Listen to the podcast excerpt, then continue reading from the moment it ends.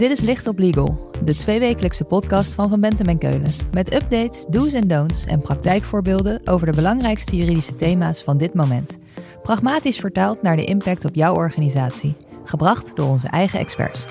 Er gelden wel hele strenge eisen eh, in het kader van de huisvestingswet en de instrumenten. Vooral ten aanzien van schaarste, die luistert echt heel nauw. Gemeenten moeten echt per wijk en per type woning motiveren waaronder een vergunningplicht noodzakelijk is. Om de uitdagingen op de woningmarkt te kunnen aanpakken, heeft de wetgever gemeenten een aantal instrumenten gegeven via de huisvestingswet. In deze licht op legal neemt Rijmer Helder je mee door de belangrijkste instrumenten en wat dat betekent voor gemeenten en marktpartijen. Rijmer stelt zich even voor. Mijn naam is Rijmer Helder, advocaat bij Van Bentem en Keulen binnen het team van het bestuursrecht en het omgevingsrecht. En in mijn dagelijkse praktijk heb ik een bijzondere aandacht voor de huisvestingswet. En Rijmer adviseert gemeenten regelmatig over de verschillende instrumenten die de huisvestingswet gemeente biedt. Daarnaast schrijft hij samen met zijn collega Mathilde van Velsen de Boer momenteel een tweewekelijkse legal update over de huisvestingswet. Rijmer, er is een woningtekort, grondstoffentekort, energietekort en werknemerstekort. Dat heeft vast en zeker invloed op de woningmarkt. Ja, absoluut. Je zou zelfs bijna kunnen zeggen dat er sprake is van een perfect storm op de Nederlandse woningmarkt. Want er hangt nog een ander zwaard van Damocles boven bouwend Nederland. En dat is de welbekende stikstofproblematiek. Daar is veel om te doen. Sinds de pasuitspraak van de afdeling bestuursrechtspraak van de Raad van State in mei 2019. Ehm, denk bijvoorbeeld ook aan recent het advies van Johan Remkes. En er is nu ook veel te doen over de bouwvrijstelling. Ehm, ja, dat zegt kort gezegd dat de effecten in de vorm van stikstofdepositie tijdens de bouwfase dat die niet beoordeeld hoeft te worden in het kader van de vergunningverlening en de beoordeling daarvan. Nou, dat wordt de bouwvrijstelling genoemd. Maar de vraag is eigenlijk of dat wel kan in het kader van de Europese wet en regelgeving. Of het niet in strijd is met die Europese wet en regelgeving. En de verwachting is dat de afdeling daar zich binnenkort over gaat uitlaten. Maar ja, al deze factoren samengenomen, die zorgen er wel voor dat de woningmarkt behoorlijk onder druk staat. Er is dus een enorme druk op die woningmarkt. Maar om dat enigszins in goede banen te leiden, hebben gemeenten een gereedschapskist gekregen van Den Haag, de huisvestingswet. Wat zijn de belangrijkste tools waarmee gemeenten aan de slag kunnen? Ja, de huisvestingswet die biedt gemeenten een aantal instrumenten die echt bedoeld zijn om de woonruimteverdeling en samenstelling van de woonruimtevoorraad, om die te reguleren. Uh, het geldt ook voor een periode van maximaal vier jaar. En de belangrijkste vier instrumenten zijn eigenlijk het aanwijzen van de vergunningplichtige woonruimte, het reguleren van wijzigingen in de woonruimtevoorraad, ehm, het reguleren van de toeristische verhuur en de mogelijkheid tot regels in het kader van de opkoopbescherming. Laten we daar verder induiken. Te beginnen bij het aanwijzen van vergunningsplichtige woonruimte. Wat houdt dat in? Ja, kort gezegd betekent dat dat de gemeente woonruimte kan aanwijzen waarvoor een vergunningplicht geldt. Dus die kan je niet bewonen als je niet een dergelijke vergunning hebt. Ehm, dan kan je bijvoorbeeld denken aan zelfstandige huurwoningen tot de liberalisatiegrens. En die verschilt per jaar, dat wordt jaarlijks vastgesteld. Of je kan denken aan de mogelijkheid voor gemeenten om voorrang te verlenen aan woningzoekenden. Bijvoorbeeld omdat het dringend noodzakelijk is dat zij uh, een woonruimte toegewezen krijgen. Denk aan de mantelzorgers die dat krijgen of die dat verlenen. Of aan woningzoekenden die economisch of maatschappelijk gebonden zijn aan de woningmarktregio. En dan hebben we het over bijvoorbeeld politieagenten, leraren. Precies, politieagenten, leraren, mensen in de zorg. Waar, echt, ja, waar de beroepsgroep uh, noodzakelijk is dat zij zich in de stad vestigen en dat daar ook woonruimte voor beschikbaar is. Duidelijk.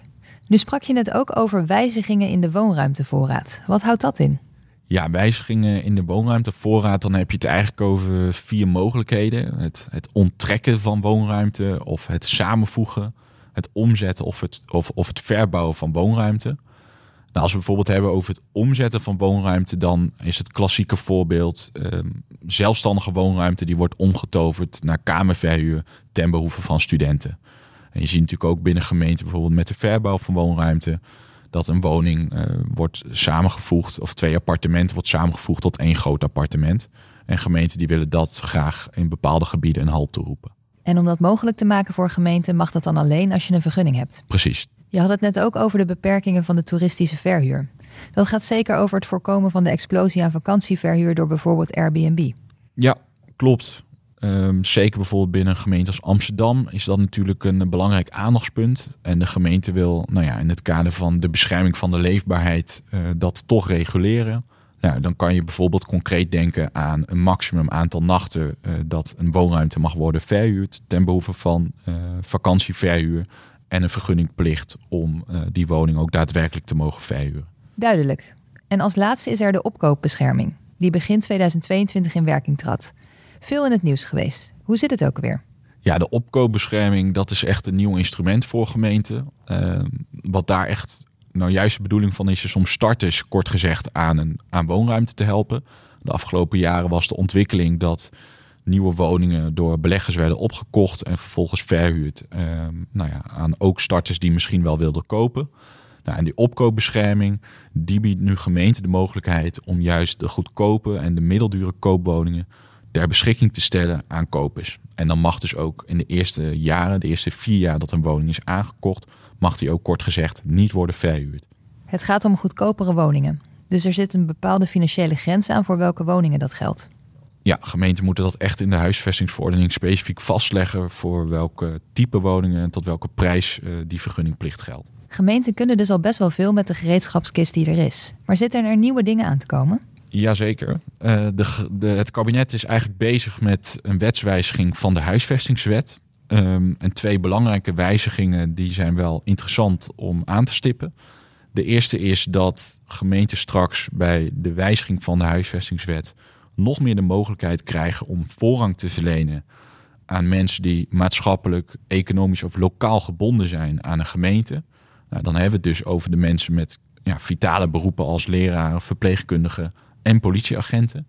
Daar kan de gemeente straks nog meer proberen om die mensen te helpen aan woonruimte. Um, en nou ja, te zorgen dat ook mensen die een lokale binding hebben, dus mensen die zijn opgegroeid in een gemeente, die er al altijd hebben gewoond, starters en graag daar een woning willen vinden, dat die ook de mogelijkheid krijgen om daar te blijven wonen. Een andere belangrijke wijziging uh, in deze wet is dat er straks de mogelijkheid bestaat voor gemeenten om een vergunningplicht in te stellen voor sociale koopwoningen. En nou, als je de toelichting leest, dan gaat het om sociale koopwoningen waarvan de prijs is vastgesteld op basis van uh, het bedrag wat in de nationale hypotheekgrens wordt gehanteerd. En dat is dit jaar een bedrag dat is vastgesteld op 355.000 euro. En dan betekent dus dat je een vergunning nodig hebt om die sociale koopwoning te kunnen bewonen. Je noemt die 355.000 euro. Betekent dat dat ze een aanwijzing kunnen geven over woningen tot dat bedrag? Precies, dan moet de gemeente in de huisvestingsverordening bepalen dat voor uh, woningen tot dat bedrag, en als het gaat om sociale koopwoning bijvoorbeeld, dat daarvoor een vergunningplicht in het leven wordt geroepen. En dan moet de bewoner dus een vergunning hebben voordat je die bewoning daadwerkelijk kan bewonen. En wat betekent dat voor de markt? Met name dat laatste. Kan het zijn dat ik straks een project ontwikkel dat helemaal niet meer gebruikt mag worden door de kopers die ik ervoor gevonden heb? Bijvoorbeeld omdat ze te veel verdienen? Nou ja, dat is wel een vraag die direct opkomt als je dit wetvoorstel leest. Um, het is natuurlijk ook een bijzondere situatie, want stel je koopt inderdaad een woning wat feitelijk sociale, een sociale koopwoning betreft, um, maar je verdient inderdaad te veel. Ja, bijzonder is dat in de memorie van toelichting op die wetswijziging wordt gezegd: ja, dat is geen probleem. Want de eigenaar kan dan weliswaar niet in die woning terecht, maar je kan het nog steeds wel verhuren. Nou, dat lijkt mij gezien de hele regeling van de opkoopbescherming, wat nou juist het doel is om de verhuur tegen te gaan, een, een gekke gedachte. En daar lijkt de wetgever zich ook wel enigszins te realiseren dat dat eigenlijk niet het idee kan zijn eh, van deze wetswijziging. Dus ja, gemeenten worden er eigenlijk al op geattendeerd dat um, na de wetswijziging eigenlijk gemeenten zowel een opkoopbescherming moeten hebben die zegt, nou ja, kort gezegd sociale huur, maar nu ook sociale koop. Uh, dat mag niet worden verhuurd. Uh, er geldt een zelfbewoningsplicht. En als je dan dat combineert met de mogelijkheid om een vergunningplicht op basis van deze wetswijziging specifiek voor sociale koopwoningen te introduceren, ja, dan heb je het gat gedicht, om het maar zo te zeggen. En dan nou ja, wordt het specifiek aan de doelgroep toegewezen voor wie de wet eigenlijk bedoeld is. Helder. Er kan dus al veel en er gaat nog veel meer kunnen. Wat moet ik hier nu mee als gemeente? Nou ja, gemeenten hebben nu natuurlijk al een aantal instrumenten zoals we bespraken. Dus er zijn absoluut mogelijkheden voor gemeenten om te sturen op het behoud en de verdeling van de woonruimtevoorraad. Maar er gelden wel hele strenge eisen in het kader van de huisvestingswet en de instrumenten.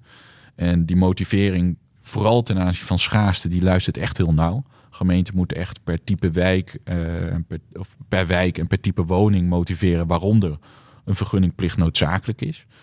Maar je ziet wel dat er ook vanuit de wetgever wordt meegedacht om starters en ook mensen met bijvoorbeeld een lokale binding toch nog meer aan een woning te helpen. Dus gemeenten moeten zeker ook de wetswijziging bestuderen, eh, de mogelijkheden onderzoeken, omdat toch wel extra instrumenten worden geboden aan gemeenten om nou ja, meer te spelen met de mogelijkheid om woonruimte toe te wijzen aan doelgroepen voor wie het noodzakelijk is. Het wordt dus voor een gemeente misschien ietsje makkelijker om te sturen op de behoefte die in die gemeente leeft.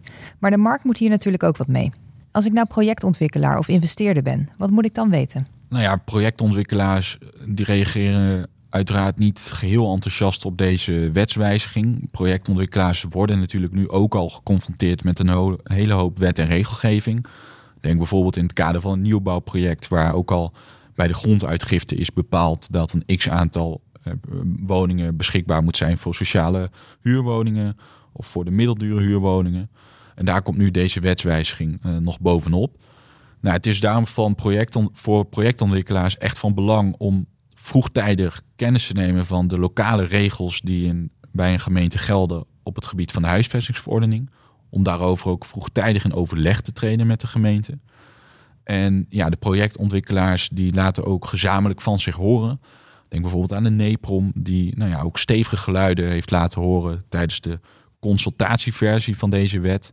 En eigenlijk nou ja, politiek Den Haag oproept om ook de belangen van de projectontwikkelaars uh, voor ogen te houden. Want ja, de NEPROM zegt ja, het is eigenlijk ondoenlijk dat er nu per gemeente zo'n wisselend beleid kan ontstaan. En verschillende vergunningplichten gaan gelden. En bovendien dat gewoon invloed heeft op de business case van ontwikkelaars. Ja, en dat zou natuurlijk ook kunnen betekenen dat bepaalde projecten geen doorgang vinden. En dat is natuurlijk absoluut niet wenselijk voor zowel het kabinet als de ontwikkelaars. Kortom, ja, het blijft een opgave voor zowel het kabinet, uh, gemeenten, maar zeker ook projectontwikkelaars om echt met elkaar om tafel te blijven gaan. Om op die manier de woningbouwopgave een oplossing te kunnen bieden. Ja, wat we natuurlijk allemaal willen voorkomen is dat projecten straks stil komen te liggen of überhaupt niet begonnen worden omdat er te veel onzekerheid is of dat het financieel niet meer uitkomt voor de marktpartijen. Nee, precies. En daar zie je toch in de praktijk dat uh, woningbouwbeleggers, uh, ontwikkelaars, dat die nu uh, nerveus beginnen te worden. Het is natuurlijk uiteraard ook een combinatie met de stijging van de grondstofprijzen en het tekort aan werknemers. Maar dat heeft zeker ook te maken met alle wet en regelgeving op het gebied van de woningbouw. Dus het is wel van belang dat nou ja, de regering ook oog blijft houden voor die belangen van de ontwikkelaars. Rijmer, dankjewel. Als we meer willen weten, waar kunnen we dan terecht? Je kan me altijd mailen op rijmerhelder.vbk.nl of mij bellen. En mijn nummer kan je terugvinden op de website. Dit was Licht op Legal, een podcast van Van Bentem en Keulen. Te beluisteren via Spotify, Apple Podcasts of je eigen favoriete podcast-app. Wil je meer weten? Heb je suggesties voor een onderwerp? Of wil je dat onze experts hun licht laten schijnen op jouw juridisch vraagstuk? Laat het ons weten via vbk.nl/slash lichtoplegal.